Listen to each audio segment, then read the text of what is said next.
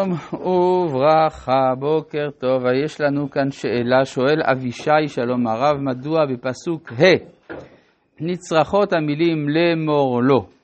לכאורה היה אפשר לכתוב רק ויענו בנחת את אברהם. תודה רבה. אז למה נאמר לאמור לו? לומר שהתשובה הזאת הייתה, גנזה בתוכה כוונה נוספת. כלומר, שלילת אה, רצונו של אברהם להיות אזרח הארץ. זה המשמעות של לאמור לו. לאמור לו באשר הוא, שהוא, כיוון שהוא רק, כיוון שהוא נשיא אלוהים, הוא לא מתאים למי שהוא עם הארץ. ובכן, רבותיי, אנחנו ממשיכים שוב בפרק כ"ג של בראשית, בפרשת חיי שרה, ואנחנו על, על, אה, התחלנו לדון בשאלה מדוע כתוב שש פעמים לקבור את המת ועוד פעם אחת ואת מתך קבור. סך הכל שבעה, שבעה פעמים של קבורה, אומר הגאון מווילנה, זה מדרכי הרמז שבמקרא. לפי המסורת של חז"ל, לא גם לא לפי המסורת של חז"ל, לפי הפשט, אמור, עתידים להיקבר במקום הזה שישה אנשים, הלוא הם שרה, אחר כך אברהם, יצחק ורבקה, יעקב ולאה. אז סך הכל וקבור מתיך. אבל יש עוד מישהו לפי המדרש, והוא עשיו. רק חלק ממנו, עיניו או ראשו, תלוי לפי הגרסאות. יש סיפור שכאשר הגיע אה, יעקב להיקבר במערת המכפלה, נשאו אותו בניו, אז עמד על פתח המערה עשיו, ואמר, המערה הזאת זה שלי, אתם לא קוברים פה, זה שלי. מדוע זה שלי? אני הבן של יצחק, בן בנו של אברהם, לאה הייתה אמורה להיות אשתי, אז המקום נשאר שלי. אמרו לו, אבל אתה, ואני הבכור. אמרו לו, כן, אבל אתה מכרת, איפה זה כתוב שמכרתי? יש שטר, איפה השטר? במצרים. תביאו את השטר, נדבר. אז שולחים את נפתלי, שהוא איילה שלוחה, להגיע עד מצרים, כל חצי האי סיני וכולי, כדי להביא את השטר ממצרים. בינתיים ההלוויה מתעכבת, ונמצא שם אדם בשם חושים בן דן. מה זה חושים בן דן? הוא היה אה, חירש, באותם הימים חירשים היו חסרי דעת ולכן היו פטורים מן המצוות, והוא מתעצבן, הוא לא יודע בדיוק מה קורה, והוא לא בדיוק מבין למה כולם נשארים בחום עם כל החיילים של פרעה מלך מצרים והסרקופג של אה, יעקב שמחכה. אבל מצביעים לו על עשיו שנמצא בפתח המערה. אז הוא לא בדיוק מבין, אבל הוא מבין שיש אחד שמפריע.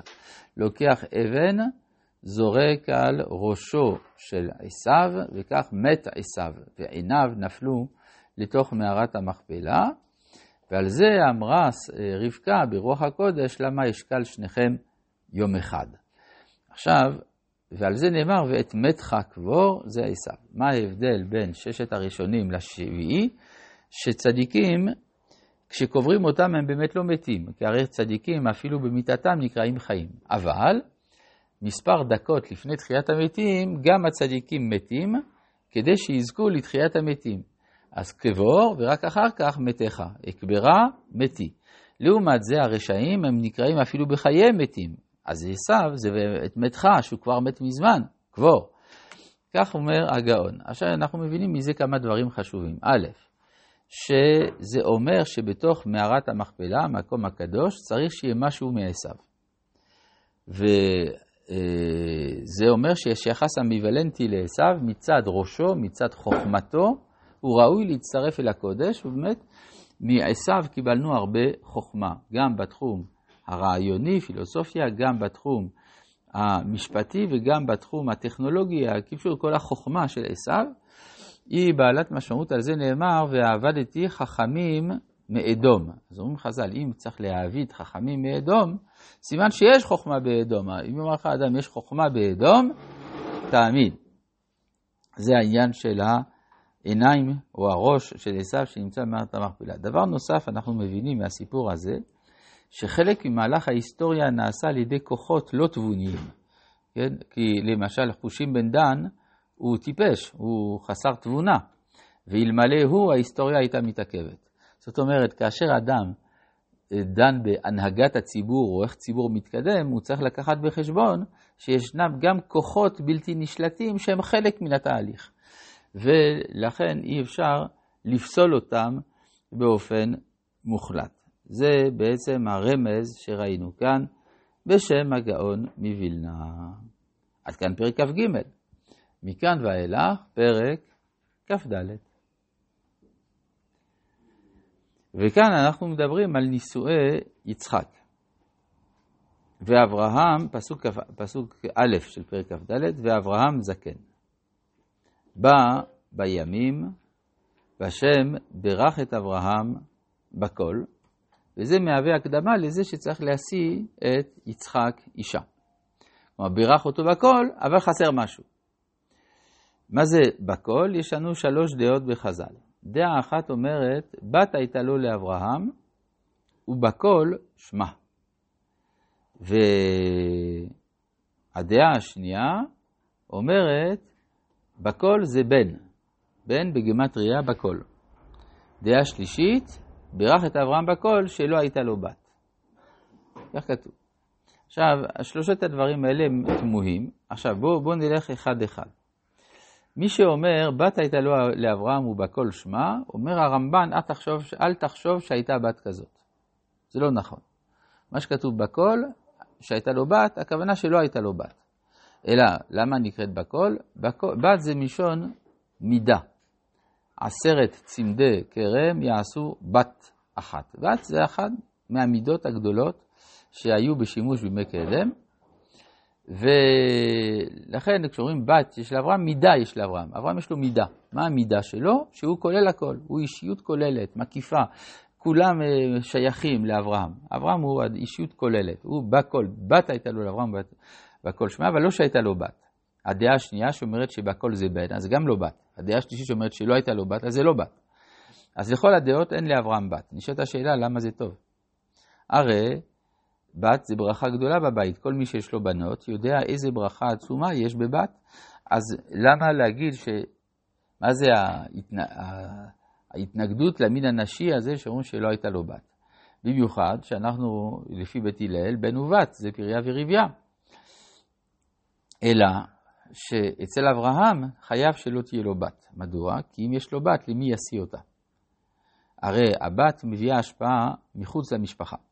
והרי הזהות של עם ישראל עוד לא נולדה, ולכן היא צריכה להיבנות באווירה סטרילית לגמרי. כלומר, הזהות של עם ישראל צריכה להיעשות על ידי הזכרים של בית אברהם, ורק כאשר הזהות הישראלית מופיעה, אז יש שבט אה, נקבי, אה, דינה, שהיא מביאה, היא בונה את השבט השלוש עשרה עם אומות העולם. על כל פנים ככה היה מתוכנן. זה שזה לא יצא, זה לא אומר שזה לא יצא. זאת אומרת שאצל אברהם יש איזה יסוד שעוד לא יכול לבוא לידי ביטוי, היסוד הנקבי, ולכן חייבים להמשיך דרך הבן את הזהות של המשפחה, וזה כבר רומז שבוויכוח האם יצחק ילך אל רבקה או רבקה תבוא אל יצחק, יצחק יהיה הדומיננטי, הוא זה שיביא את הבת אליו. זו המשמעות של והשם בירך את אברהם בכל. ויאמר אברהם אל עבדו, זקן ביתו המושל בכל אשר לו, שים נא ידך תחת ירחי ואשביעך. עכשיו, מה זה תחת ירחי? זה מקום ברית המילה. זה לא כל כך אסתטי. אתם יכולים לתאר לעצמכם את הסצנה שהעבד של אברהם צריך לתפוס את ברית המילה של אברהם. אלא אם כן נאמר שאצל האנשים האלה יש קדושה עצומה בתולדות. האיבר של התולדה הוא קדוש, דרך, דרך האיבר הזה ההיסטוריה נבנית. ולכן, כמו שהיום כשמשביעים, שמים בידי הנשבע תפילין או ספר תורה, כלומר חפץ של מצווה, חפץ המצווה היחיד שהיה אצל האבות זה ברית המילה. כלומר, המודעות לקדושה שעוברת דרך התולדות. לכן הוא אומר לו, שים נא ידך תחת ירחי ואשביעך. בשם אלוהי השמיים ואלוהי הארץ, אשר לא תיקח אישה לבני, מבנות הכנעני אשר אנוכי יושב בקרבו. אז מי הוא השם שבשמו הוא משביע?